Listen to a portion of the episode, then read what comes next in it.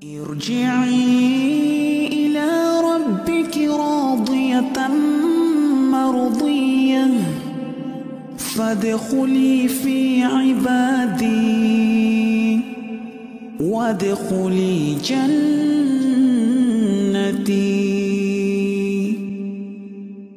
بسم الله الرحمن الرحيم. السلام عليكم ورحمة الله وبركاته.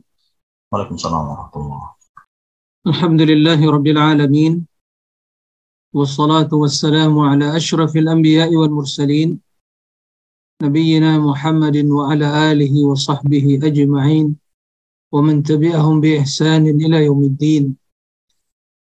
اللهم علمنا ما ينفعنا وانفعنا بما علمتنا وزدنا علما.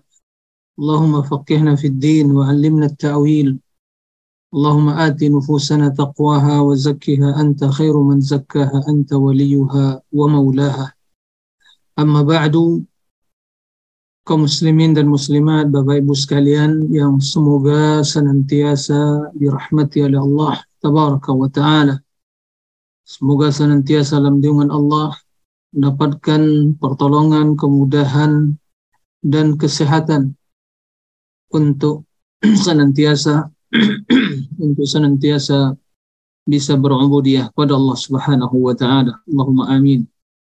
Alhamdulillah puji dan syukur senantiasa kita haturkan kehadiran Allah.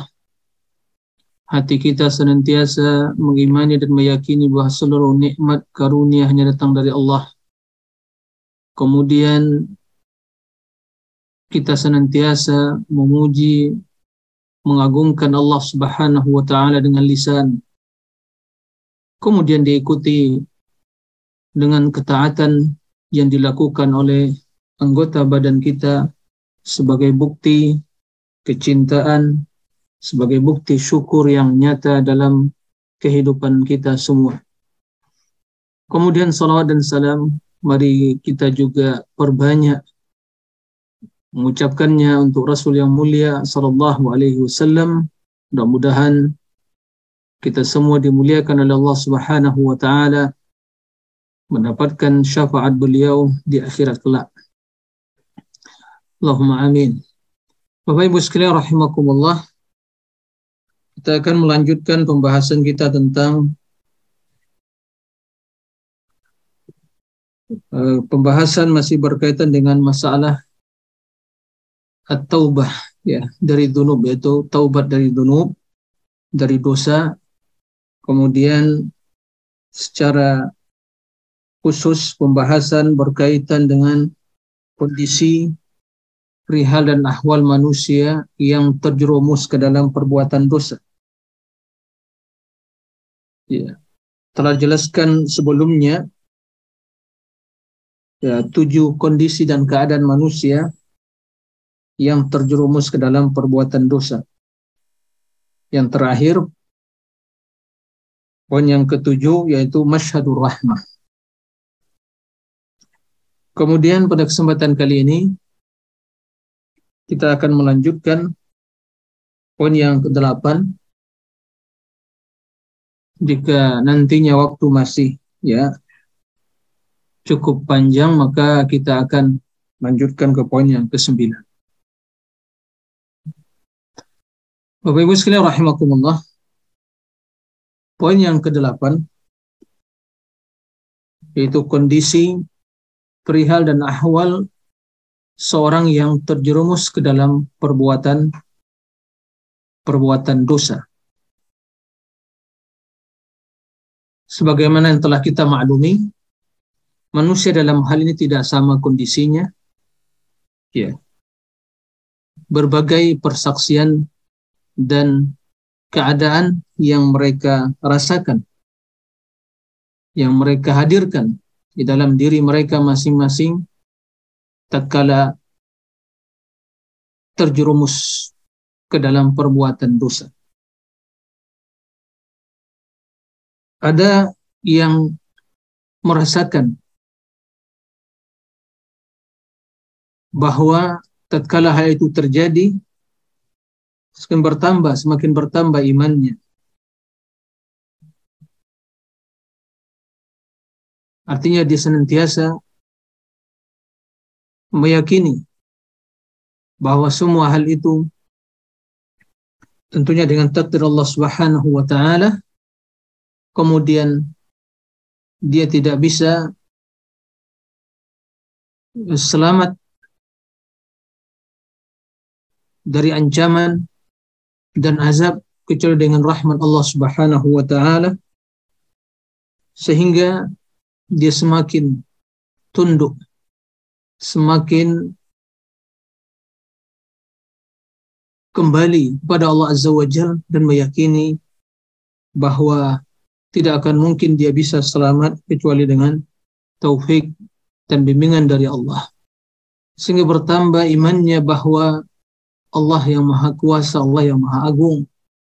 Nah, bukan berarti ya dia melegalkan perbuatan dosa, tidak. Kemudian yang selanjutnya masalah rahmah. Ya. Bahwa yang demikian itu terjadi dengan rahmat Allah dengan takdir Allah Subhanahu wa taala kemudian tidak akan mungkin dia bisa selamat kecuali dengan rahmat Allah Subhanahu wa taala. Kecuali dengan rahmat Allah Subhanahu wa taala. Sehingga bila dia memahami luasnya rahmat Allah, maka hatinya semakin tunduk kepada Allah. Hatinya semakin khusyuk menghadap Allah Subhanahu wa taala. Sehingga itulah yang menjadi kondisi dan keadaan yang menyertainya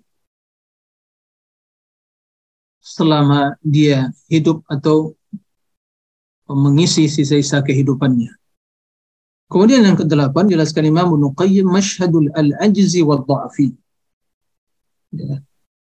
Kondisi di mana ya seorang me, merasakan ya dan meyakini ketidakmampuan dia dan kelemahannya.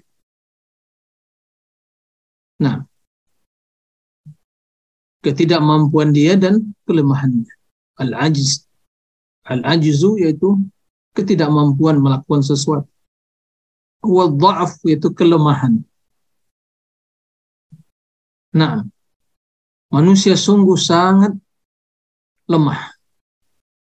Manusia sungguh ya tidak memiliki daya dan upaya.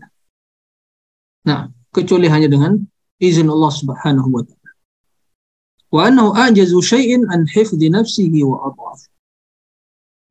Dia adalah orang yang paling lemah ya untuk menjaga dirinya.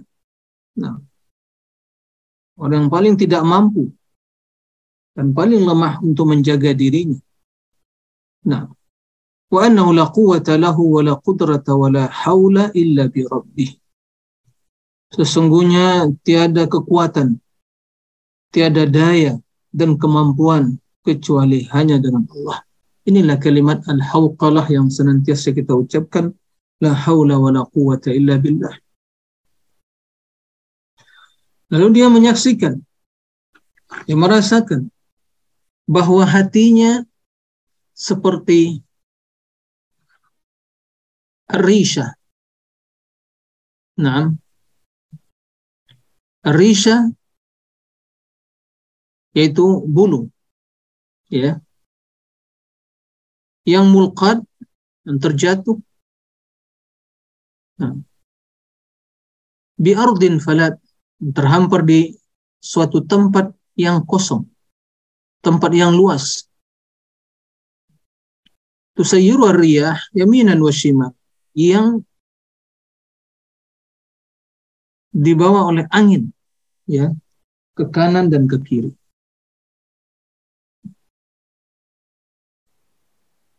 Itulah kondisinya. Tidak memiliki daya dan upaya. Dan dia juga menyaksikan, merasakan bagaimana jiwanya itu seperti seorang yang sedang berlayar di atas kapal di di lautan yang terombang-ambing yang diterpa terombang-ambing angin, badai, dan terombang-ambing oleh gelombang yang begitu besar. Terfa'uha taratan wa takhfiduha ukhra. Terkadang gelombang itu mengangkatnya, kemudian terkadang ya menjatuhkannya. Bagaimana gelombang ya turun naik. Tajri alaih ahkamul qadar. Berlaku baginya semua hukum-hukum takdir.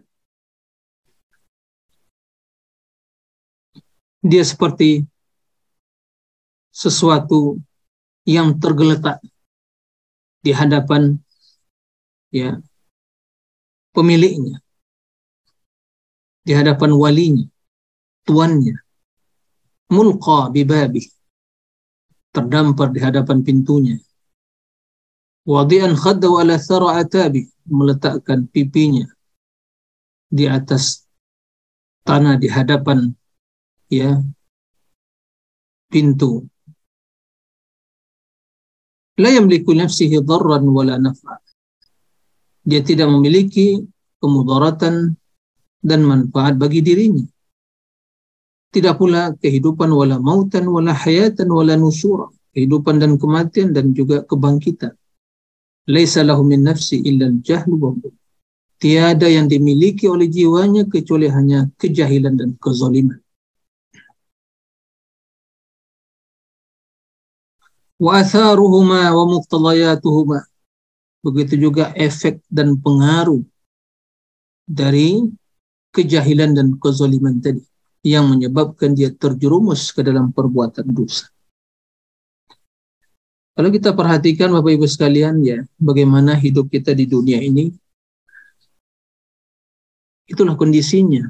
Kita yang sering berbuat dosa. Nah, maka bila seorang di hatinya masih ada keimanan, keyakinan, dan dia mengetahui kelemahan, ketidakmampuannya, tidak memiliki daya dan upaya. La haula wa la quwata illa billah. Begitulah kondisi kita.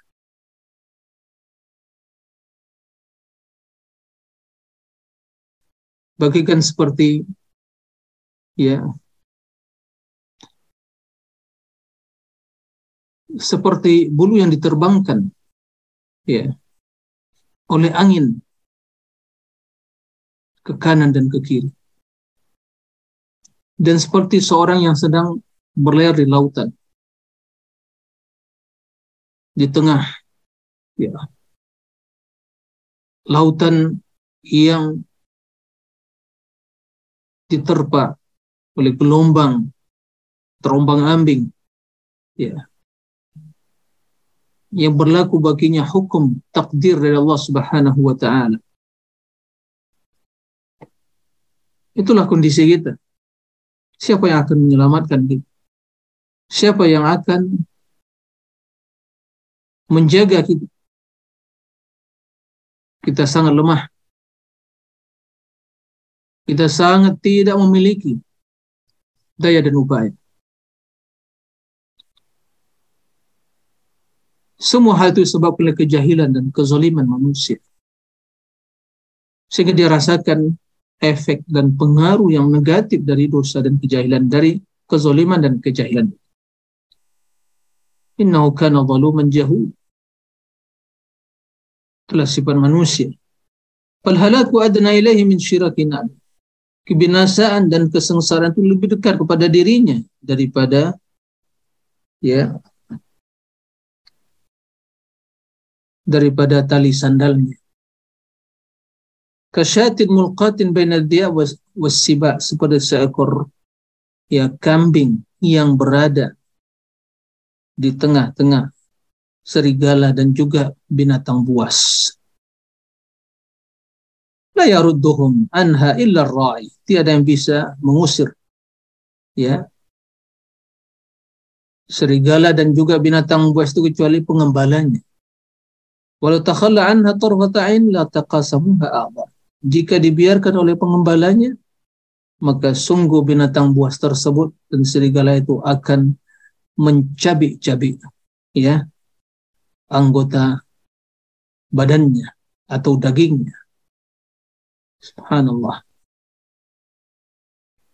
Wahakadha halul abdi mulqa baina Allah wa baina adai. Beginilah kondisi seorang hamba ya yang berada di hadapan antara Allah dan musuh-musuh. Min syayatinil insi wal jin. Dari kalangan syaitan-syaitan manusia dan jin. Fa in hamahu minhum wa kaffahum anhu lam yajidu ilaihi sabila.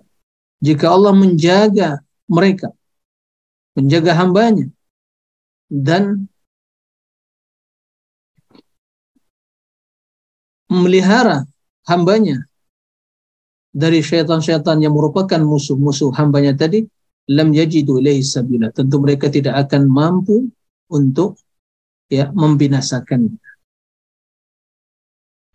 Fa takhalla anhu wa kalau ila nafsihi tarfata'in lam yanqasim alaihim bal huwa nasibun nasibu man ghafira bihi minhum. Jika Allah biarkan hamba dan diserahkan kepada dirinya. Ya sekejap mata. Maka sungguh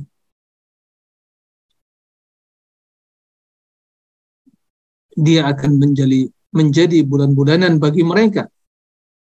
Bal nasibu man dhafira minhu. Bal akan menjadi ya bagian atau akan dikuasai oleh orang yang pertama mendapatkannya. Nah, jadi kita memiliki musuh. Musuh yang nyata. Tapi tidak tidak tampak yaitu jin dan juga ada musuh di kalangan manusia. Maka Allah Subhanahu wa taala yang menjaga Allah Subhanahu wa taala yang membendung ya, membendung dari uh, serangan mereka pada diri kita.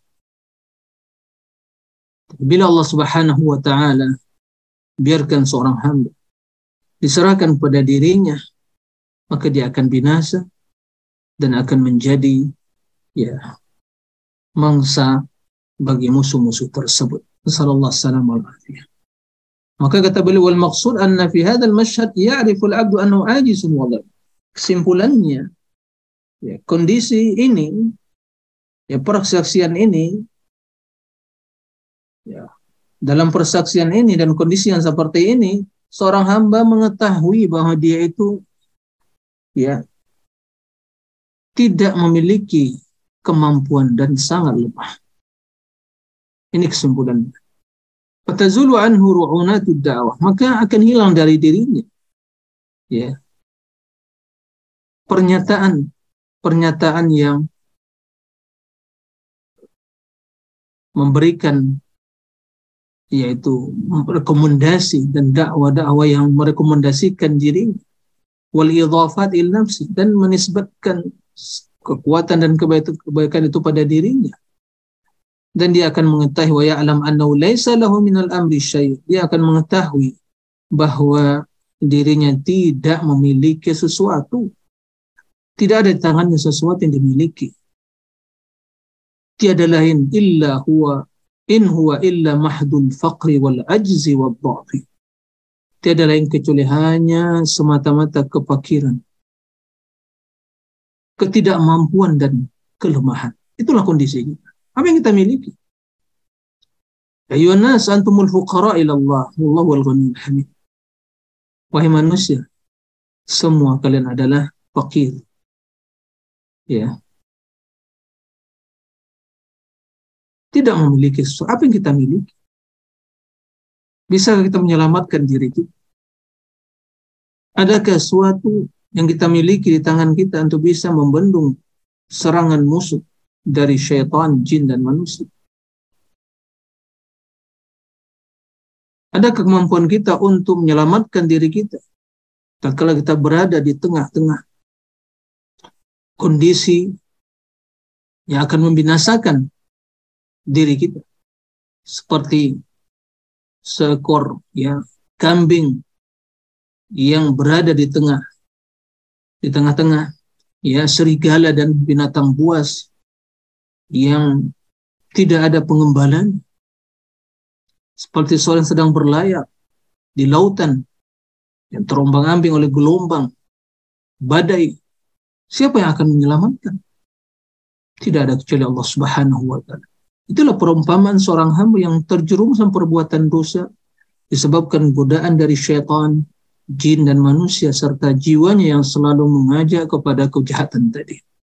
Maka di sini kita mengetahui bagaimana sesungguhnya kondisi kita yang sungguh, sungguh, sungguh tidak memiliki sesuatu.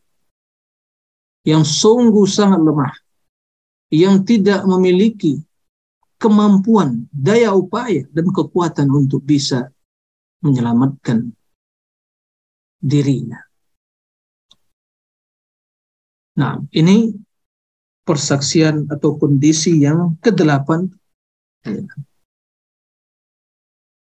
orang-orang yang terjerumus dalam perbuatan dosa. Yang kesembilan. Yang kesembilan, masyhadul dhulli khudu' wal iftiqar lirabb. Kondisi dan keadaan ya, persaksian yang ada dalam diri hamba yaitu az-zull ketundukan. Wal inkisar wal khudu az-zull mungkin ya kehinaan wal inkisar wal khudu yaitu kerendahan, ketundukan, al-khudu. Al-inkisar itu dari inkasar, yaitu jatuh dan pecah. Ya, berkeping-keping. Ya. Wal khudu ketundukan. Al-dhul kehinaan. Ya. Jadi seorang merasakan kondisi keadaan di mana hatinya betul-betul terasa hina, jiwanya terasa hina, dan hati betul tunduk kepada Allah, dan perumpamaan hatinya seperti kaca yang jatuh, kemudian pecah, berkeping-keping, aling kisar. Dia tidak bisa memiliki suatu kekuatan yang bisa menyelamatkan. Waliftiqar Rabb dan kebutuhan ya kebutuhan dia kepada Robnya. Nah, ini di antara kondisi dan persaksian orang-orang yang terjerumus dalam perbuatan dosa. ويشهد في كل ذرة من ذراته الباطن والظاهر ضرورة تامة وافتقارا تاما إلى ربه وليه. Dia betul-betul meyakini dalam setiap ya uh, dalam segala sesuatu yang dia miliki yang terkecil darati min darati dia saksikan ya, pada dirinya segala sesuatu baik yang batin dan yang tersembunyi dan yang tampak Zarrah itu sesuatu yang sangat kecil. Ya. Yang ada pada dirinya. Bahwa seorang hamba itu betul-betul memiliki daruratan tamah waftiqaran tamah ila rabbi wali. Itu suatu kondisi yang darurat dan kefakiran yang seutuhnya. Dia membutuhkan Robnya dan penolongnya itu Allah Subhanahu wa taala. Nah, waman biyadihi salahu wa falahu dan zat yang kebaikan dan kebahagiaan dia hanya ada di tangannya. Wahudahu wa sa'adan petunjuk dan kebahagiaan. وهذه الحال التي تحصل لقلبه لا تنال العبارة حقيقته Kata Imam Ibnu Qayyim, kondisi yang seperti ini yang dirasakan oleh seorang hamba dalam hatinya bahwa lahir batin dia betul-betul meyakini dan menyaksikan bagaimana ya kebutuhan dia sepenuhnya kebutuhan yang betul-betul darurat ya. Kepada Allah dan penolongnya kepada Allah yang di tangannya. Kebaikan keberuntungan petunjuk dan kebahagiaan. Nah kondisi yang seperti ini yang ada dalam hati itu sulit. Ya. tidak mungkin ungkapan itu bisa atau perkataan itu bisa mengungkapkan hakikatnya. Karena ada sesuatu yang kita rasakan di hati sulit untuk diungkapkan ya sebaik apa pun rangkaian kata ini susunan kalimat kita untuk mengungkapkan perasaan hati ya kondisi hati yang ada di dalam jiwa kita maka tidak akan mungkin diungkapkan. Tapi kita merasakan kondisi yang seperti ini. Ya. Wa inna ma tudraku bil usub. Akan tetapi yang demikian itu dirasakan, didapatkan bil husub. Dengan apa? Dengan sesuatu yang dirasakan. Ya. Suatu yang nyata dirasakan, didapatkan. Dan demikian itu akan muncul wayahsul liqalbihi kasratun khasatun la yushbiha syai. Bagaimana dia bisa merasakan hal itu? Itu apabila ada dalam hatinya, dalam hatinya itu betul-betul telah menjadi ya, kasratun khas, ketundukan. Betul-betul ya merasakan betul ketundukan karena hatinya telah tercabik-cabik ya tercerai berai ya, disebabkan perbuatan dosa dan maksiat tadi ya betul-betul terasa betul-betul sangat hina sekali nah la yushbiha yang tidak satu pun menyerupai kondisi itu bihaitsu yara nafsahu kal ina al marbut tahta al ardu ya di mana dia itu melihat dirinya itu seperti ya, seperti al-ina. Ina itu ya bejana.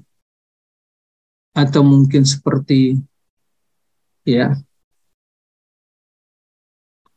Ya, al-ina ya bejana. Al-mardud yang telah ya pecah berkeping-keping diinjak oleh kaki. Ya. Bayangkan yang terbuat mungkin dari plastik ya kemudian dah diinjak-injak oleh kaki berada di bawah kaki seseorang diinjak telah jatuh pecah ya. Berkeping-keping. Nah maka ladilah syafi'i yang tidak ada sesuatu yang tersisa dalamnya labih wala minhu. Ya.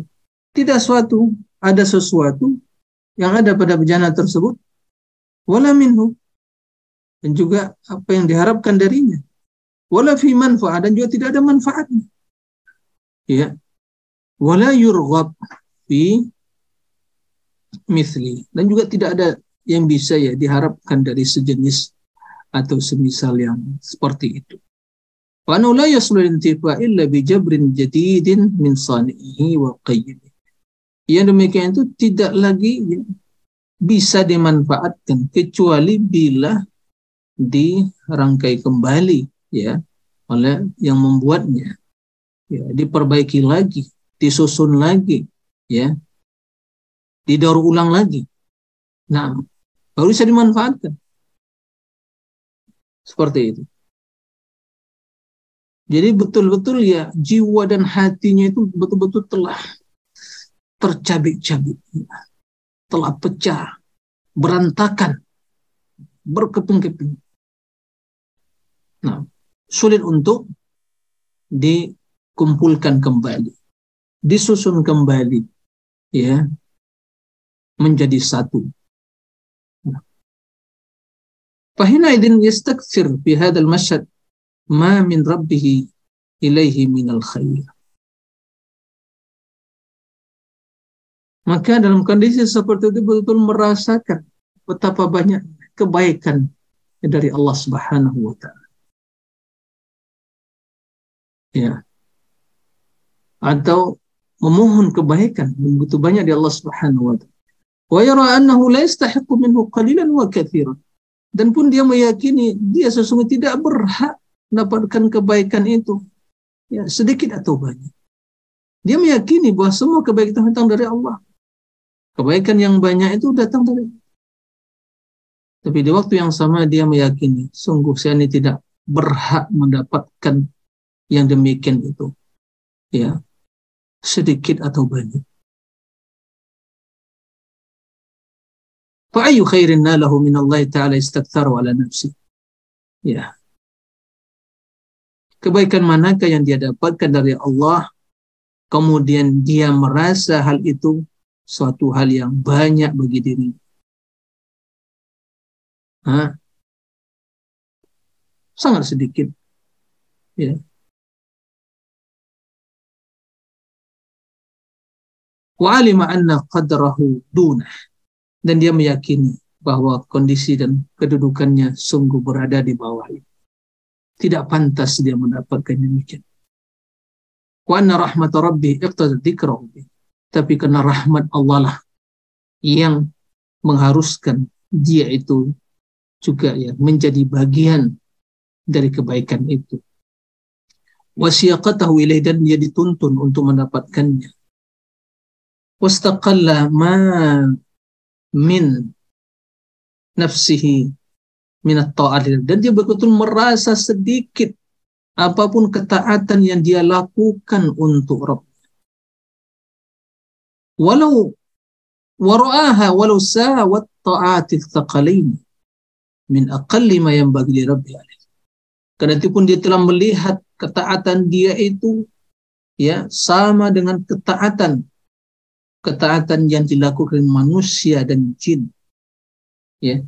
Karena tidak demikian sungguh dia meyakini bahwa itu sangat sedikit ya yang hanya ya seharusnya yang pantas dia lakukan mayam bagi lebih ali. Ya, jadi artinya apa? Ketaatan apa pun dilakukan, sebanyak apa pun ketaatan dan amal soleh yang dilakukan, maka sesungguhnya itu sungguh hal yang sangat sedikit ya yang dia persembahkan yang dia berikan kepada Allah tabaraka wa taala tapi dia senantiasa meyakini sungguh ya sedikit dari maksiat dan dosa-dosa itu suatu hal yang sangat banyak. Nah, jangan mengira atau sedikit ini dosa kecil atau sedikit dosa tidak itu suatu yang betul-betul banyak.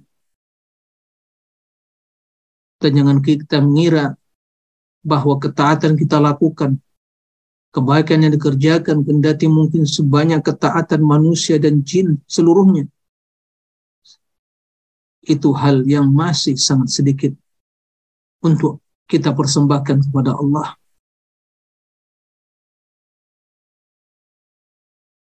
Nah, fainal kasrat allati hasal li qalbihi aujabat lahu hadakum. Nah.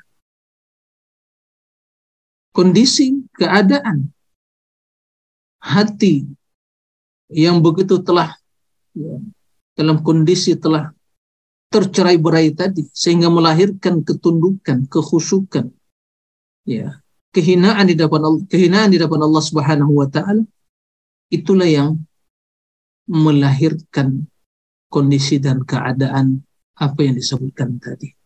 Tapi kalau hati yang merasa ya, hatinya suci, dia berbuat dosa dan masih merasa tidak ada masalah, dia tidak akan pernah merasakan kondisi yang seperti ini. Nah, akrabal jabar min hadal qalbil.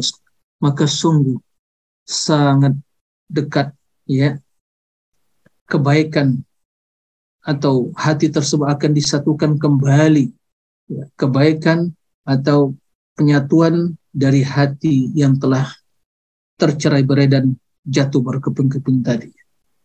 Maka akan disatukan lagi, akan menyatu lagi, ya, sehingga menjadi hati yang betul-betul fokus dan terkonsentrasi.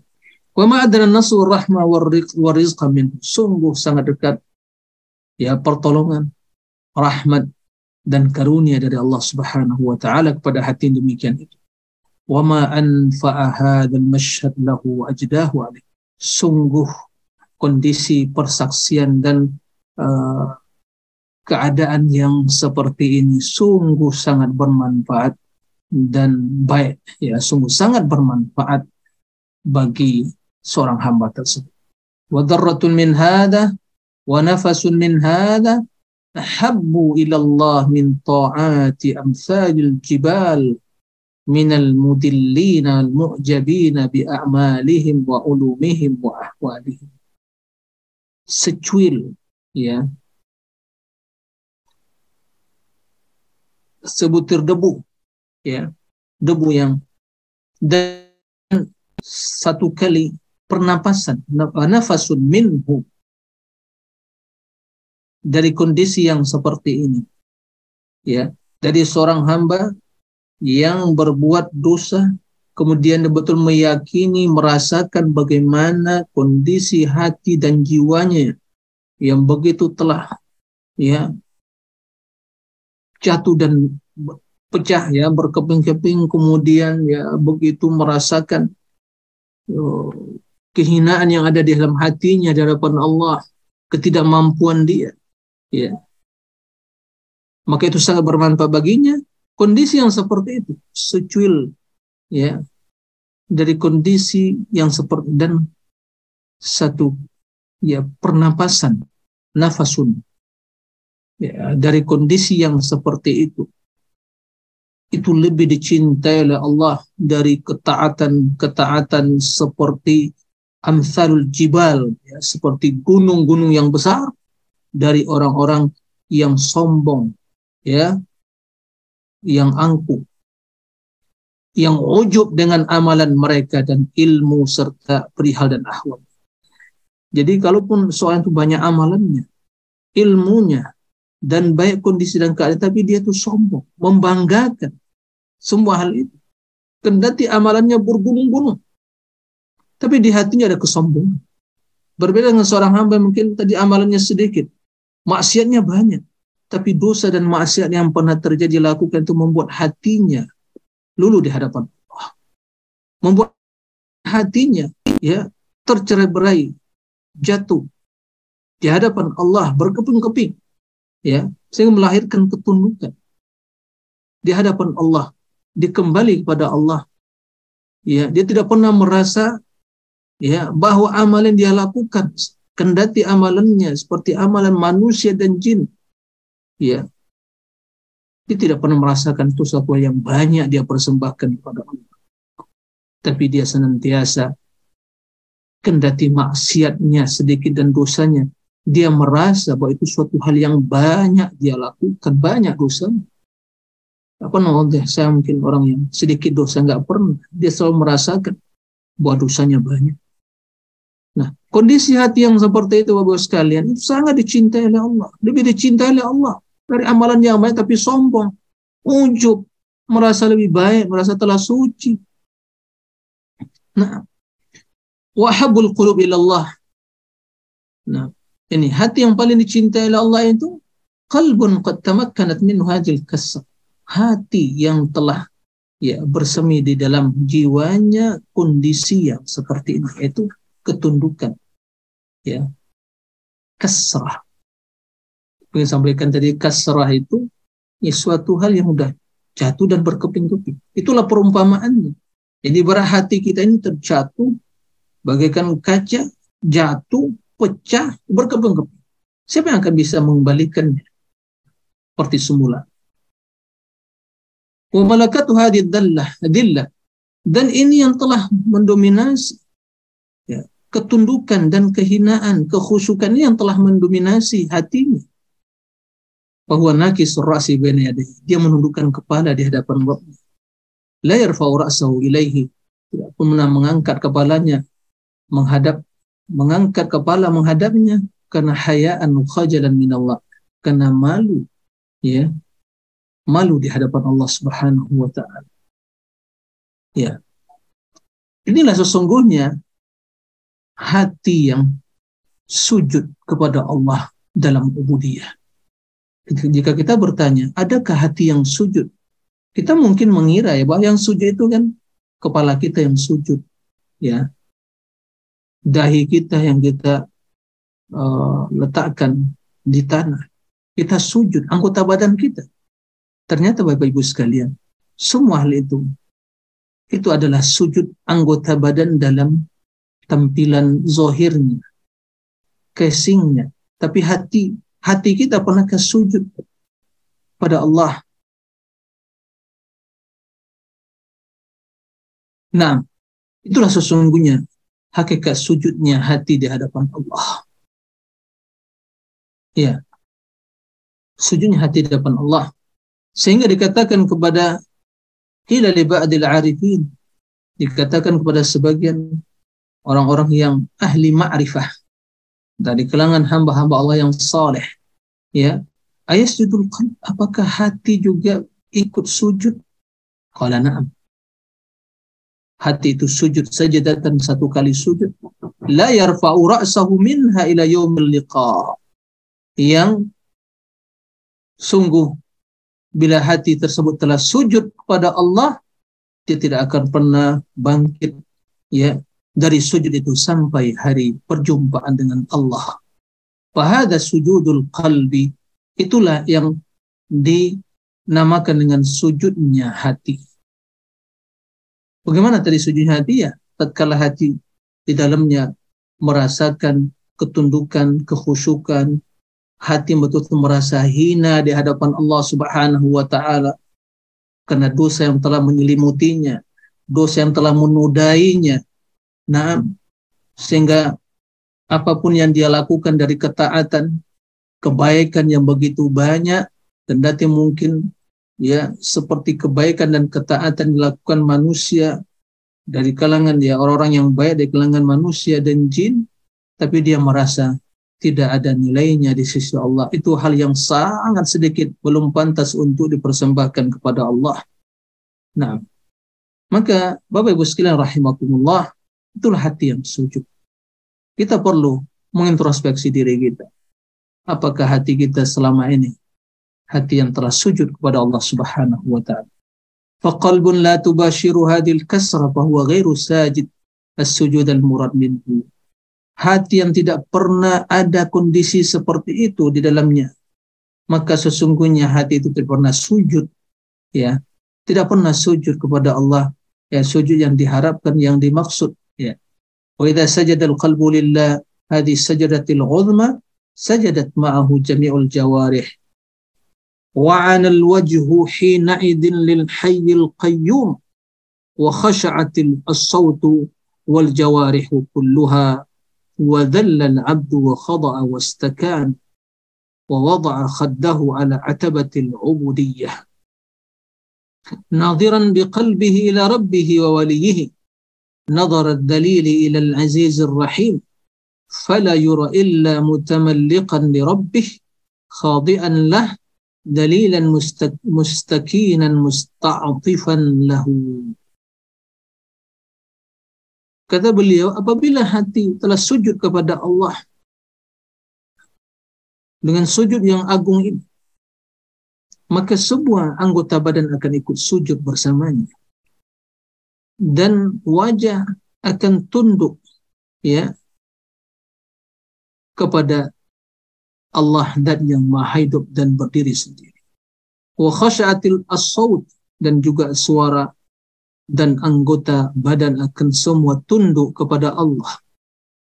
Wa dhallal abdu wa khada wastakan hamba akan selalu ya merendahkan diri dan tunduk dan patuh ya kepada Allah wa wada'a khaddahu ala atabatil ubudiyah dia akan selalu meletakkan ya wajahnya pipinya ya ala atabatil ubudiyah itu di atas pintu ya ubudiyah. Nadhiran biqalbi ila rabbih. Dia selalu melihat dengan hatinya kepada Rabb wa dan yang menolongnya atau Allah nadhara dalil ila al-aziz rahim pandangan seorang yang hina dina kepada zat yang maha perkasa dan maha penyayang. Fala yura illa mutamalliqan li. Maka dia tidak pernah dilihat kecuali senantiasa ya berharap tunduk khadi'anlah tunduk kepada Allah dalilan mustaikinan musta'tifan dalam keadaan hina merendahkan diri ya. Mengharapkan kasih sayang ya dari Allah Subhanahu wa taala. Yas'aluhu atfah wa rahmah dia memohon kepada Allah ya kasih sayang dan kelembutannya. Wa huwa yataradda rabbahu kama yataradda al-muhib al-kamil al-mahabbah mahbubahu al-malik. Lah dia selalu mohon keampunan keridhaan kepada Rabbnya sebagaimana seorang yang mencintai ya selalu mengharapkan keridhaan ya orang yang dicintainya dan yang memilikinya. Alladzi la ghina lahu anhu. Zat yang dia senantiasa membutuhkannya. Wala budda minhu dan senantiasa yang mengharapkannya. Falaysa lahu hammun ghairu istirda'i wa. Tiada ya yang menjadi perhatiannya selain dari usaha dan amalan untuk senantiasa ya mendapatkan keridhaan wastiqafihi dan kasih sayangnya. Li'annahu la hayata lahu wa la falah illa fi qurbihi wa. Karena dia meyakini bahwa tiada arti kehidupan baginya dan ya keberuntungan, kebahagiaan kecuali tatkala senantiasa dekat kepada Allah dan ya mendapatkan keridhaannya. Sungguh ya benar sekali apa yang disampaikan Imam Ya, begitulah jiwa dan hati yang senantiasa ya bersemi di dalamnya ketundukan ya kepada Allah Subhanahu wa taala. Kemudian wa mahabbatihi lah dan ya Uh, dia merasa bahwa hati ya kehidupan hatinya dan kebahagiaannya hanya ada dalam kedekatan hati pada Allah dan dalam keridhaannya dan kecintaan kepada Allah. Yaqulu kaifa ughdibu man hayati fi ridha. Ya. Bagaimana saya akan ya membuat ya that membuat ya uh, membuat ya zat murka ya, yang kehidupanku ya ada dalam keridhaannya. Wa kaifa adilu amman sa'adati dan bagaimana saya akan berpaling dari zat yang kebahagiaan dan keberuntungan dan ya kemuliaanku hanya ada dalam kedekatan dan kecintaan zikir kepadanya. Subhanallah. Inilah kondisi seorang hamba yang apabila hatinya telah ya bersemi dengan ketundukan, kekhusyukan kepada Allah Subhanahu wa taala. Bapak Ibu sekalian rahimakumullah, ya. Baik.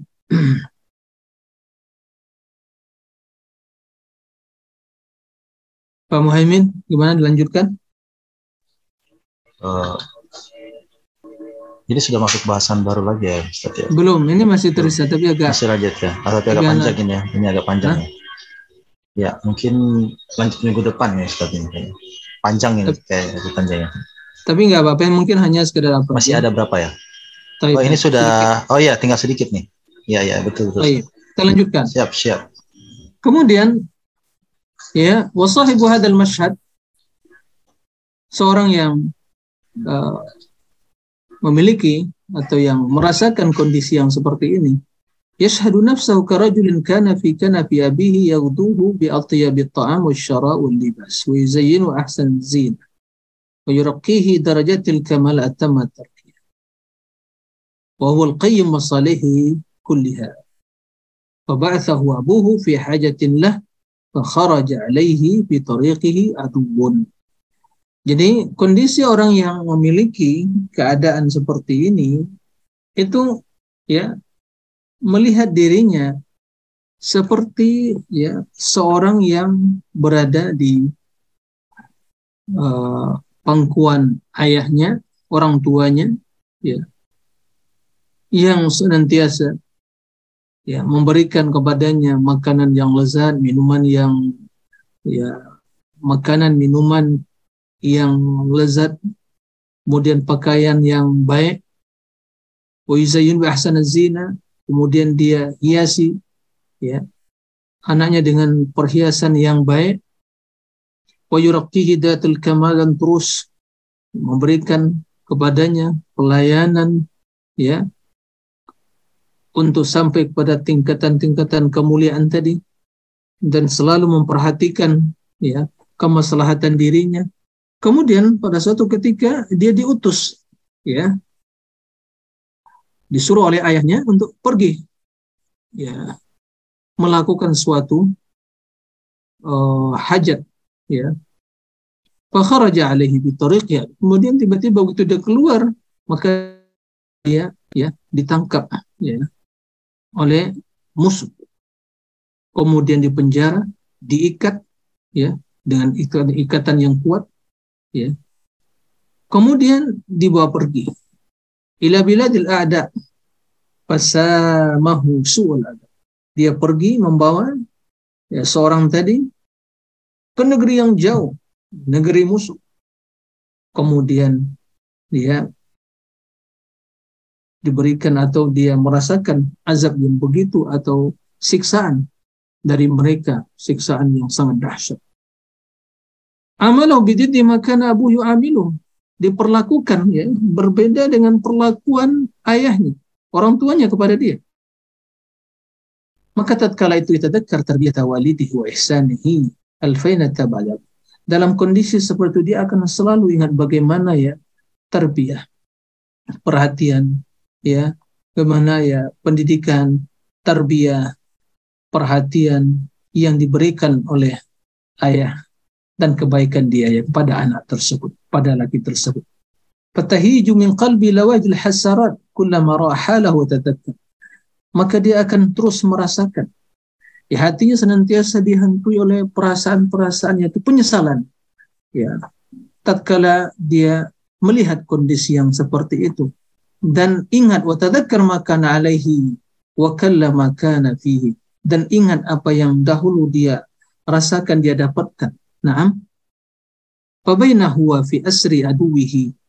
Nah, maka tak dalam kondisi seperti itu dalam tawanan ya musuhnya yang mendapatkan berbagai bentuk ya uh, siksaan, soal adab wa yuridu nahrahu fi akhir am dan bahkan mungkin di akhir ya keadaan akan dieksekusi ya dibunuh idhanat minhu iltifatun ila nahwi diyari abi ternyata tiba-tiba dia melihat, ya, melirik dan melihat ya ke arah di mana ya uh, posisi rumah ya tempat tinggal ayahnya. Fara'ah abuhu minhu qariban. Maka dia melihat ayahnya. Orang tuanya itu dekat kepadanya. Wasa'ila dan dia berusaha berjalan ya mendekatinya. Wa alqa nafsa kemudian dia melemparkan dirinya, menjatuhkan dirinya di hadapan ayahnya. Wantaraha baina mungkin dia tergeletak di hadapannya. Yastaghithu sembari memohon pertolongan. Ya abata, ya wahai ayahku, wahai aku, tolonglah aku. Undur ila waladik. Perhatikanlah anakmu. Wa ma dan apa yang telah dirasakannya. Bagaimana kondisinya. Wa dumu'uhu tasbiqu ala khaddai.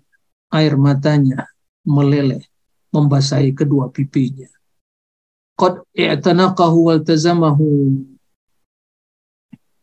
kemudian dia merangkulnya ya dan memegangnya. Wa aduwuhu fi talabihi sementara musuhnya terus mencarinya. Hatta waqafa ala ra'si. Kemudian dia mendapatkan orang tersebut ya berdiri di hadapan di samping kepalanya wa huwa multazimun biwalidihi mumsikunna. Sementara orang tersebut anak tersebut selalu ya berpegang, ya memegang ayahnya atau orang tuanya ya tidak dilepaskan. Dalam kondisi seperti itu, bahal taqulu, apakah Anda akan mengatakan inna walidahu yuslimuhu ma'ahadil hal ila aduwih wa yukhalli bainahu wa bainah? Dalam kondisi seperti itu, ya, apakah seorang ayah akan menyerahkan anaknya kepada musuh dan membiarkan dia? Tentu jawaban tidak akan mungkin. Ya, itu bentuk kasih sayang seorang ayah yang begitu sayang kepada anaknya. Tidak akan mungkin dia menyerahkan anaknya. Kendati mungkin ya uh, akibatnya mungkin dia juga yang dibunuh. Tapi dalam kondisi seperti itu tidak akan mungkin dia menyerahkan ya anaknya kepada musuh. Lalu bagaimana ya pendapat Anda? Biman huwa arhamu bi abdih min mal wali Bagaimana pendapat Anda dengan zat yang lebih sayang? Ya kepada hambanya daripada seorang ayah kepada anaknya. Allah Rabbul Alamin. Wal walida li waladiha idza farra dan seorang ibu ya kepada anaknya. Idza farra ilaihi apabila dia lari menghampiri diri atau lari menghadap mereka. Waharaba min adu ilaihi dan lari dari musuhnya ya. Wa alqa tarihan bibabi dan juga menjatuhkan dia di hadapan pintu rumahnya. Yumarrigu khaddahu fi thara'atabi bakian baina dia ya uh, yumarrigu khaddahu thara'atabihi sehingga kedua pipinya ya. Dia posisikan atau menyatu dengan tanah atau debu yang ada di hadapan pintu rumahnya sembari ya menangis di hadapan. Yaqulu ya rabbi ya rabbi irham man la rahima lahu. Ya ya rabb ya rabb rahmatilah. Ya hamba yang tiada seorang pun yang bisa merahmatinya selainmu wa ya wala waliya lahu siwa dan tidak ada penolong baginya selainmu. Wala nasira lahu dan tidak ada yang akan membela selainmu. Wala mu'wi lahu dan tidak ada yang akan bisa memberikan ya atau menyelamatkan ya. Memberikan tempat berlindung kecuali selainmu. Wala mughitha lahu dan tidak ada yang akan bisa menolongnya selainmu. Miskinuka wa faqiruk hamba yang sangat miskin dan fakir. Wasailuka wa amiluk yang memohon dan berharap kepada wa murtajib dan mengharapkan ridhamu la malja'a lahu wala manja lahu minka illa ilaik. Tidak ada tempat ia berlindung, tempat menyelamatkan diri darimu kecuali hanya kepadamu. Anta maladuhu wa bika ma'aduh. Engkaulah tempat berlindungnya dan kepada engkaulah tempat dia memohon pertolongan, memohon perlindungan. Itulah kondisi perumpamaan. Kemudian sebutkan sini bait ya syair ya man aludu bihi fi mau amilu. Ya Allah zat yang tempat aku berlindung kepadanya dalam apa yang aku harapkan. Wa man a'udzu bihi mimma uhadiru dan zat tempat aku berlindung dari apa yang aku khawatirkan. La yajburun nasu 'azman anta kasir. Manusia tidak akan bisa menyatukan ya, menyatukan kembali tulang ya, azman, tulang yang telah engkau ya pecahkan. Wala yahidu azman anta dan tidak akan bisa mereka menghancurkan tulang yang engkau yang menyatukannya. Artinya apa? Seorang hamba yang apabila dikekuatan oleh Allah, maka tidak akan ada seorang pun yang bisa membahayakannya. Tapi bila Allah Subhanahu membiarkan seorang hamba tidak dibimbing oleh Allah, tidak ditolong oleh Allah, maka tentu tidak ada yang bisa menyelamatkannya. Ini sebagai perumpamaan, ilustrasi bagi kita ya, bagaimana seorang ayah dan ibu, ya kedua orang tua begitu sayang pada anaknya. Lalu begitu dia mengutus seorang anaknya membeli sesuatu untuk melaksanakan sebuah ya urusan ternyata dia ditangkap oleh musuh di penjara di di apa namanya itu diazab dengan berbagai ya uh, apa namanya itu dengan berbagai uh, ancaman nah kemudian tiba-tiba dia mendapatkan kedua orang tuanya, akan memohon pertolongan kepadanya dalam kondisi seperti itu, tentu tidak akan mungkin kedua orang tersebut ya kedua orang tua tersebut menyerahkan anaknya kepada uh, musuh tersebut. Ini perumpamaan, ilustrasi, ya. Dan tentu perumpamaan tersebut Allah lebih utama dari itu. Artinya seorang hamba yang telah ya masuk masuk dalam perangkap musuh syaitan, jin, manusia, ya karena telah berbuat dosa tadi, dia telah terbelenggu dengan dosa tadi, masuk ke perangkapnya, maka dia memohon pertolongan kepada Allah. Kemudian ya merengek-rengek di hadapan Allah, apa nama itu menjatuhkan diri di hadapan Allah. Dengan penuh ketundukan. Dia lari kepada Allah, mohon perlindungan kepada Allah dan memohon kepadanya untuk merahmatinya, untuk menolongnya, untuk membelanya, untuk menyelamatkannya. Karena dia meyakini tidak ada yang bisa menyelamatkan kecuali Allah.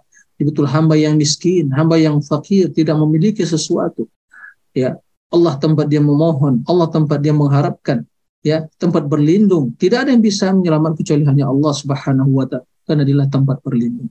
Nah, maka apakah hamba yang seperti itu akan dibiarkan oleh Allah? Tidak. Tidak akan dibiarkan oleh Allah. Allah pasti akan menolongnya. Allah akan membimbingnya.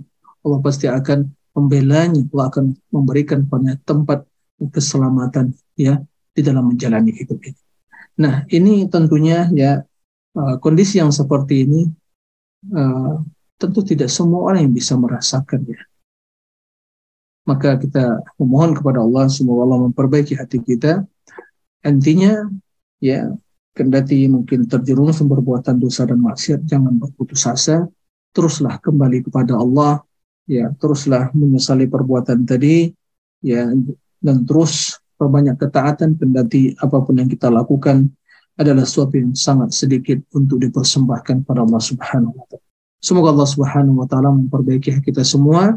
Ya menyatukan hati kita yang mungkin telah bercerai-berai, telah berkeping-keping ya sebabkan perbuatan dosa dan maksiat tercabik-cabik ya telah luka disebabkan dosa dan maksiat tadi semoga disatukan kembali oleh Allah di uh, menjadi bening kembali ya kemudian menjadi lembut dan menjadi Uh, hati yang khusyuk, penuh dengan kecintaan dan pengagungan pada Allah Subhanahu wa taala. Allahumma amin. Demikian wallahu a'lam.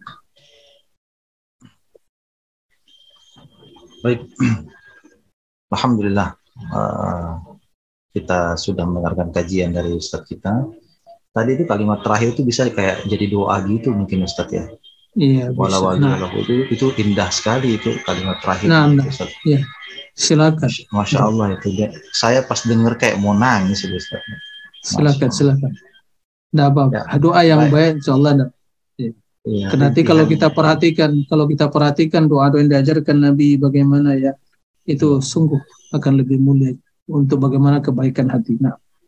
Masya Allah. Siap, siap, siap. Oke, uh, kita masuk di sesi tanya jawab. Ini kalau ada yang mau uh, bertanya langsung bisa menggunakan raise hand. Saya sudah mengantongi banyak pertanyaan, Ustaz. Uh, kita mungkin bisa membatasi waktu, Ustaz. Kalau dibaca semua kayak banyak sekali nih. Mungkin sampai jam berapa nih, Ustaz, kira-kira? Iya, ditabungkan dulu aja dulu. Oh iya, siap. Nanti. Saya coba pilah-pilah dulu ya, Ustaz ya. Ini yang kira-kira bisa langsung apa berkaitan dulu, kemudian kita masuk ke yang uh, coba yang ini dulu. Assalamualaikum warahmatullahi wabarakatuh. Izin Ustaz bertanya, apakah ada doa khusus agar masalah kita tidak diserahkan pada diri kita atau mendapat taufik dari Allah? Lalu apa kiat-kiat agar kita bisa mendapat taufik dari Allah? Jazakallah khair. Nah, ya, terima kasih. Pertanyaan bagus sekali. Ya. Uh, adapun yang ditanyakan apakah ada doa untuk mendapatkan taufik dari Allah dan kita tidak diserahkan pada diri kita. Ya apa yang diajarkan oleh Rasul Shallallahu Alaihi Wasallam yang sudah soyogyanya untuk kita baca di setiap pagi dan petang hari.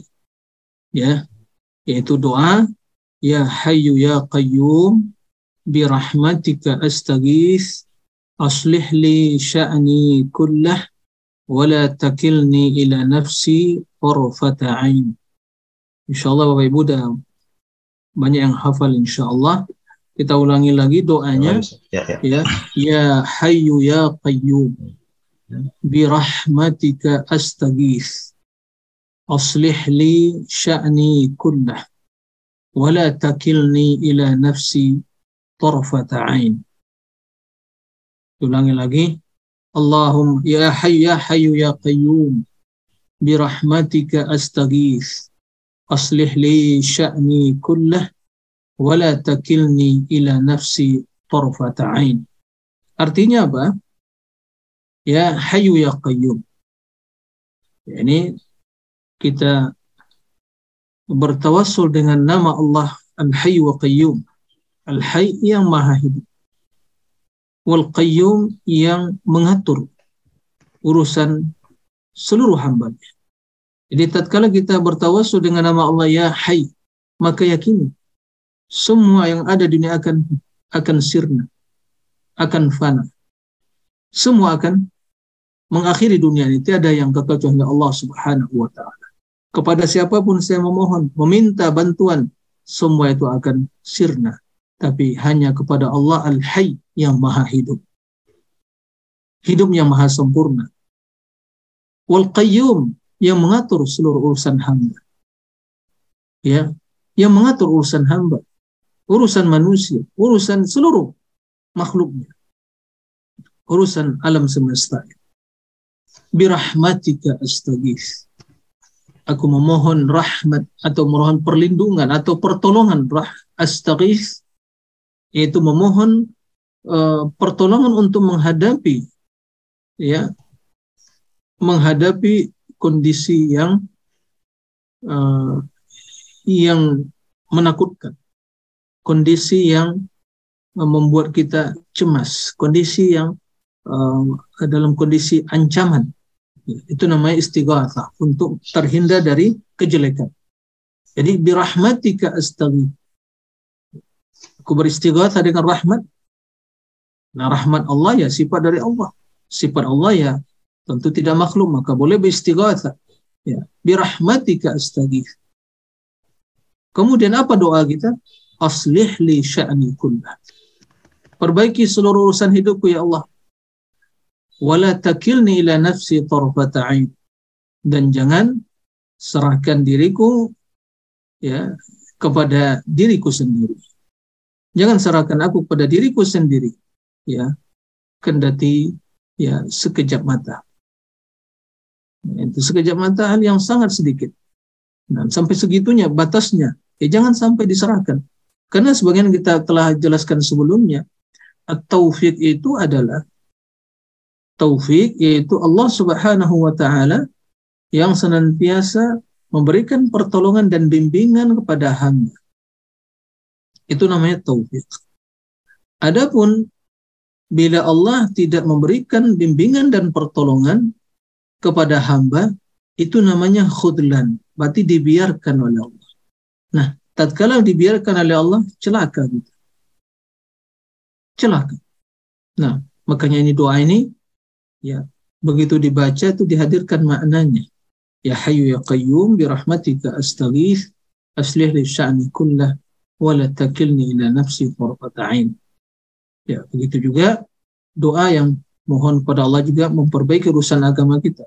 Allahumma aslih li sya'a Allahumma aslih li dini alladhi huwa ismatu amri wa aslih li dunyaya allati fiha ma'ashi wa aslih li akhirati allati ilaiha ma'adi Allahumma ja'alil hayata ziyadatan li fi kulli khair wal mauta rahatan li min kulli syarr Memohon ya kebaikan agama dan dunia kita. Ya. Aslih li dini wa is'al Allahumma aslih li dini alladhi wa ismatu amri. Ya Allah perbaiki agamaku yang merupakan pegangan hidupku. Ini yang pertama kita minta. Jadi yang pertama kita minta kebaikan kepada agama kita. Ya ini yang pertama. Nah manusia sekarang kebalik. Urusan dunia yang pertama diminta, agamanya belakangan, urutan ke-10. Yang pertama permintaannya dunia. Istana yang 100 tingkat, mobil yang paling mewah, ya kedudukan yang paling tinggi, harta yang banyak, apalagi makanan yang lezat. Semua dah sembilan permohonan permintaan, terakhir yang 10 baru perbaiki agamaku ya Allah. Kebalik. Ya. Seharusnya ini yang pertama. Agama dulu. Asli dini alladhi wa ismatu amri. Pegangan hidup kita. Kemudian dunia. Baru dunia. Lihat. Wasli dunia latifiyah ma'asyi. Perbaiki duniaku yang aku hidup di dunia ini. Nah, seperti itu. Wa aslih li dunia alladhi fiha ma'as wa asli akhirati allati ilaiha ma'ad. Kemudian akhirat yang tempat aku kembali.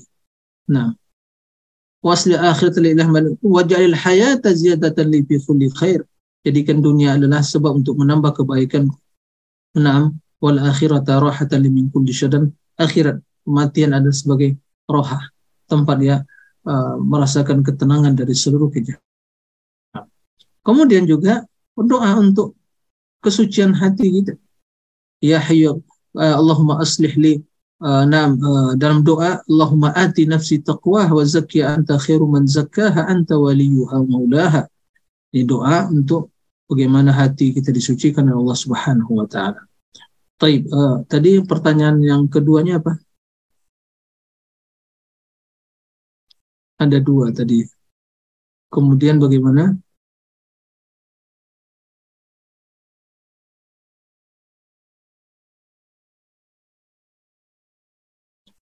Taib.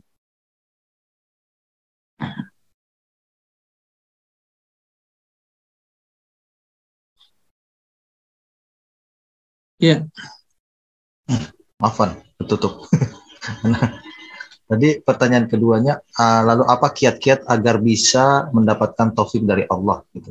Ya, ya seperti yang disampaikan tadi, kiat-kiatnya pertama kita berdoa kepada Allah Subhanahu Wa Taala, kemudian terus ya uh, meningkatkan uh, ya membekali diri dengan ilmu agar kita mengetahui ya kewajiban-kewajiban agama dan serta larangan-larangannya sehingga bila kita mengetahui akan kita uh, termotivasi untuk mengamalkan dan larangan kita akan waspada dari terjerumus ke dalamnya. Ini. Kemudian apa yang kita ketahui dari kebaikan itu ya diusahakan diamalkan. Karena kebaikan itu juga akan melahirkan kebaikan yang uh, selanjutnya. Begitu. Yang kedua melahirkan yang ketiga. Nah seperti itu. Kemudian uh, untuk mendapatkan taufik juga ya betul-betul uh, hati kita itu betul-betul ya di uh, apa namanya itu betul-betul di diperbaiki. Jangan sampai ada dalam hati itu ya secuil kesombongan. Merasa dia telah baik telah suci. Di masyarakat telah mampu ya. Telah mampu melakukan. Ini adalah faktor utama ya eh, kehinaan. Faktor utama kegagalan tadi. Kemudian begitu juga ya perlunya eh, teman yang baik perlunya sahabat yang baik komunitas yang baik seperti itu karena itu akan memotivasi seorang untuk bisa uh, terus melakukan kebaikan tadi. Nah, demikian Allah. Ini ada lagi pertanyaan. Assalamualaikum. Assalamualaikum Ustaz. Semoga Ustaz dan keluarga dalam lindungan Allah ber berkah ilmu Ustaz untuk umat. Afan anak izin bertanya, anak usia sudah hampir 50 tahun dan baru mengenal kajian ilmu Islam ini yang anak rasa benar-benar ilmiah. Bagaimanakah anak bisa mengejar amalan-amalan dari usia yang tersisa. Misalnya salat yang bagaimana yang paling banyak pahalanya atau haji umrah bagaimana yang paling banyak pahalanya dan amalan ibadah lainnya jazakumullah khair. Nah, terima kasih kepada Bapak yang atau mungkin yang bertanya ya semoga Allah Subhanahu wa taala senantiasa memberikan taufik ya dan kebaikan kepada kita semua ya terutama yang bertanya. Ya pertama alhamdulillah ya kita harus banyak bersyukur atas nikmat Allah azza wajal yang memberikan hidayah pada kita semua sehingga kendati mungkin umur ya semakin senja ya umur semakin udah uh, semakin tua tapi alhamdulillah pintu hidayah itu masih terbuka inilah ya di antara uh, nikmat dan di waktu yang sama pelajaran yang harus kita jadikan sebagai bahan renungan. Artinya buka pintu hati kita. Hilangkan dari benak pikiran kita berbagai atau mungkin ya uh, atau mungkin kesombongan, keangkuhan, tapi bukan. Sebagian orang dia fanatik, gitu ya. Dan dia korban dari propaganda. Ya. Sehingga menyebabkan dia menutup diri untuk mempelajari, mendengar. Tapi alhamdulillah bila seorang membuka pintu hatinya sebelum membuka akal pikirannya dan matanya melihat membanding dan mendengar dan membuka telinganya maka Allah akan memberikan kemudahan baginya ya untuk mengenal al-haq. Ya seperti itu. Alhamdulillah. Maka uh, harus disyukuri nikmatnya agar Allah menambah nikmat tersebut. Kemudian apa yang harus dilakukan? Ya. Tentu yang paling utama adalah hal-hal yang wajib. Perlu ya bagaimana sholat seharian ya. Lima kali sehari semalam ini harus betul-betul dijalankan uh, dengan baik dilaksanakan yang wajib terlebih dahulu. Ya uh, bagaimana sholat Nabi Wasallam? Bagaimana tata cara beliau ya dalam sholat kemudian berbagai uh, rangkaian ibadah yang berkaitan dengan sholat dikirnya nah ini. Ini yang perbanyak. Sholat wajib ini yang pertama. Kemudian ya setelah itu berusaha untuk oh, melaksanakan ya sholat-sholat sunnah terutama yang 12 rakaat selain dari sholat fardu tadi yaitu rawatib qobliyah dan ba'diyah ya ini yang kemudian uh, bila datang waktu berpuasa maka ya pelajari bagaimana cara berpuasa Nabi SAW bila datang waktu untuk pergi haji dan mungkin umroh ya bertanya kepada ahli ilmu tentang bagaimana uh, pelaksanaan haji dan umroh Nabi Shallallahu Alaihi Wasallam. Begitu selanjutnya. Tapi hal yang rutinitas harian kita, rutinitas harian kita, yang semua kita mulai dari kita ya uh, membuka mata, begitu bangun sebelum subuh, kemudian menutup mata kembali di malam hari, ini yang harus kita ya pelajari bagaimana keseharian Nabi Shallallahu Alaihi Wasallam.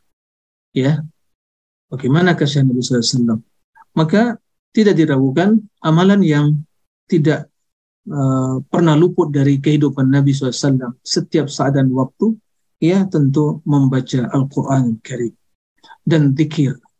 Ini perbanyak membaca Al-Quran, ya, mentadabur Al-Quran, merenungi Al-Quran, ya, kemudian memperbanyak zikir, zikir di pagi dan petang hari, zikir sebelum tidur, zikir ya keluar rumah, zikir dalam perjalanan, kalau kita nak zikir mungkin masuk rumah, dan setiap kondisi keadaan. Kemudian jangan luput, jangan ya lalaikan untuk senantiasa berzikir dalam setiap kondisi dan keadaan. Mungkin ya waktu-waktu yang senggang, waktu-waktu yang lowong dan perjalanan dalam ya menggunakan lisan kita untuk senantiasa memuji Allah Subhanallah, Alhamdulillah, wa la ilaha akbar kemudian subhanallah wa bihamdi subhanallah azim. Dua kalimat yang ringan tapi berat dalam timbangan dan sangat dicintai Allah subhanahu wa ta'ala. Empat kalimat yang sangat dicintai Allah. Ya subhanallah walhamdulillah wa la ilaha akbar. Itu berbanyak ucapkan. Nah berbanyak ucapkan itu yang insya Allah bila yang demikian dilakukan itu adalah suatu kebaikan yang luar biasa dan istiqomah ya istiqomah Fattakullah, Nah, demikian. Uh, saya lanjut lagi nih ada pertanyaan dia bikin dua pertanyaan. Assalamualaikum Ustaz, mohon izin bertanya. Satu, apakah hukum seseorang yang selalu lalai mengulang maksiat sekalipun sudah berniat tidak akan mengulanginya lagi? Nah, dan tetap menyesal serta merasa hina di hadapan Allah. Terus yang keduanya, bagaimana tanggapan Ustadz dengan maulid? Apakah kita bisa memakan sajian dari kegiatan tersebut? Jazakallah khair Ustadz. Iya, uh, Pertanyaan yang pertama tadi ya, tentang masalah kelalaian tadi. Terus sudah berniat meninggalkan, melakukan lagi. Ya. Maka dalam hal ini teruslah ya berbuat kebaikan. Ya, terus meniatkan kebaikan. Kendati mungkin dia naam di muncul setelah itu lagi mungkin terjumus lagi, tapi terus ya karena selama seorang hamba terus kembali kepada Allah berbuat kebajikan kendati mungkin dia terjumus lagi maka sikap yang seperti itu akan membuat syaitan itu jengkel. Ya ini orang ini dah uh, berulang kali masa dia taubat lagi kan gitu dia syaitan itu maunya seorang itu ya terjerumus berulang kali tidak bertobat gitu. Jadi tidak pernah jangan berputus asa. Tatkala seorang itu telah berputus asa itulah setan telah berhasil ya seperti itu.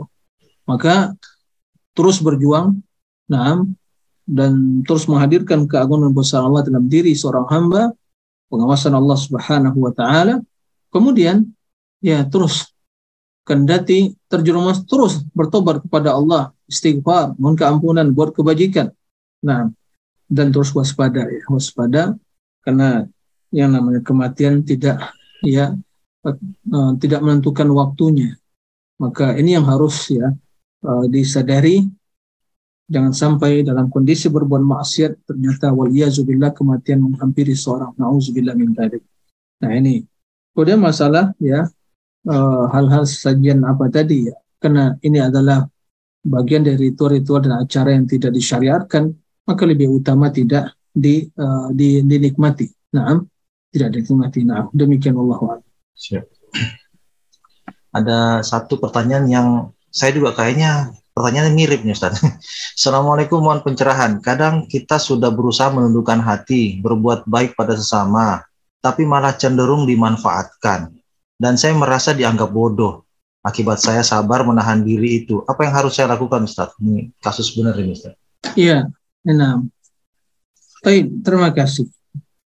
Pertama, dalam kita berbuat kebajikan, terutama dalam kita berinteraksi dengan sesama, maka yang menjadi standar prinsip kita dalam berinteraksi adalah perintah agama bukan persepsi manusia.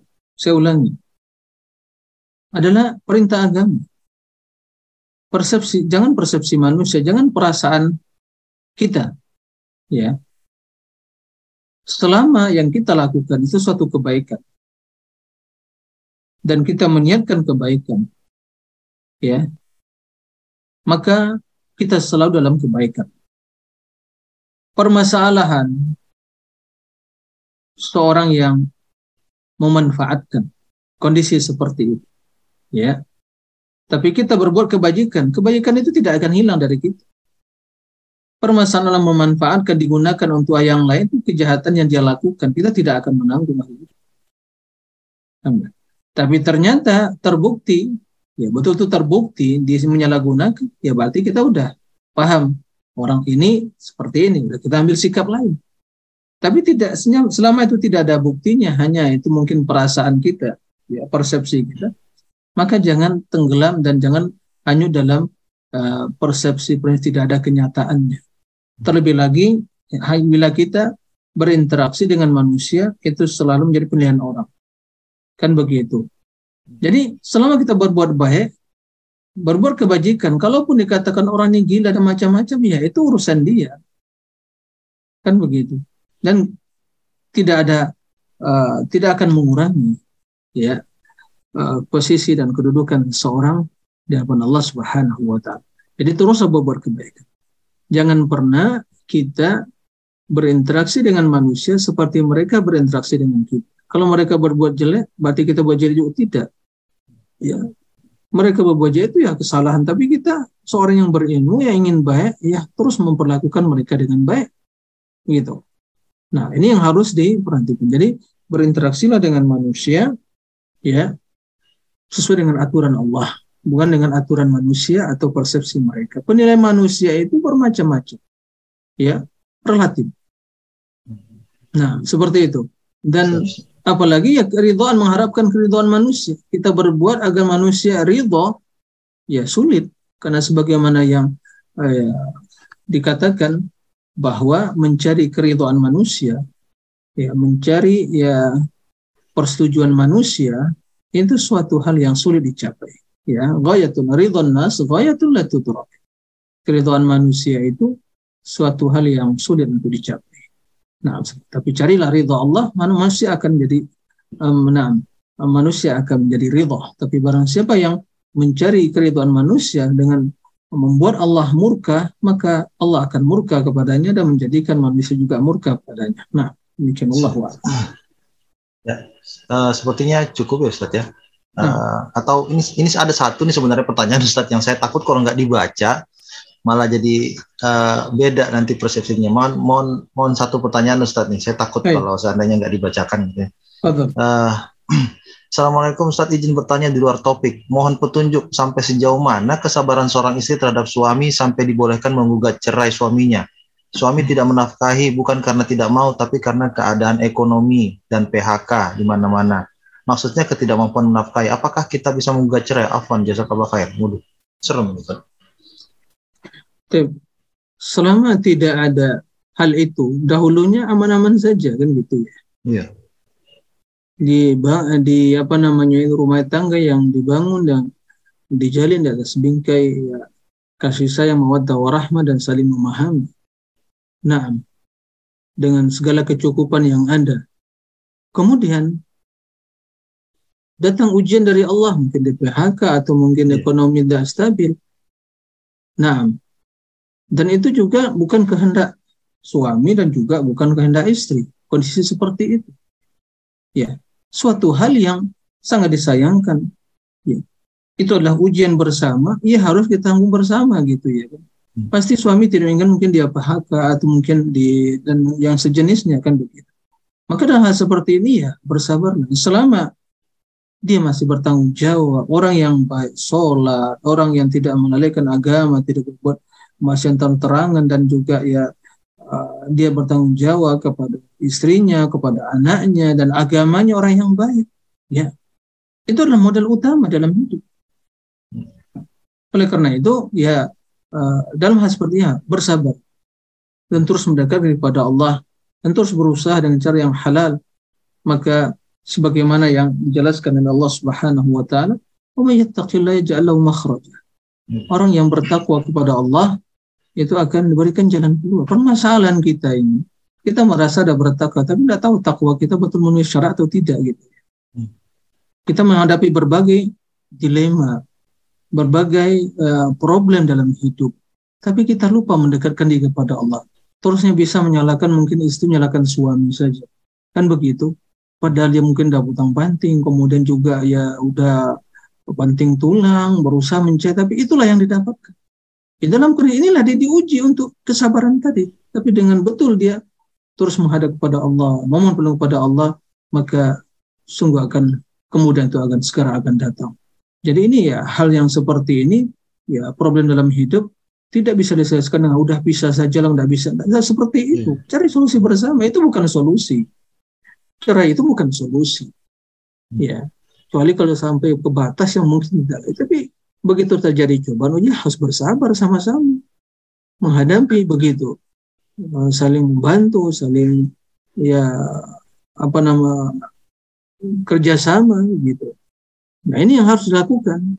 Ya, jadi eh, ini yang perlu diperhatikan. Oleh karena itu jangan sampai seorang istri hanya darah seperti itu langsung minta cerai atau pisah. Ini pertanda berarti eh, istri yang tidak sabar dalam menghadapi berbagai keadaan dan kondisi bila itu Allah takdirkannya seperti itu. Nah, ini yang harus penting. Jadi cerai itu bukan suatu solusi, apalagi kita memiliki anak dan juga ya itu tidak menyelesaikan, menambah masalah gitu. Nah, demikian Allah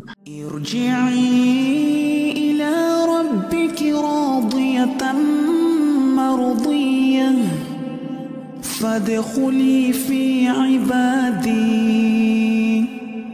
وادخلي جنتي.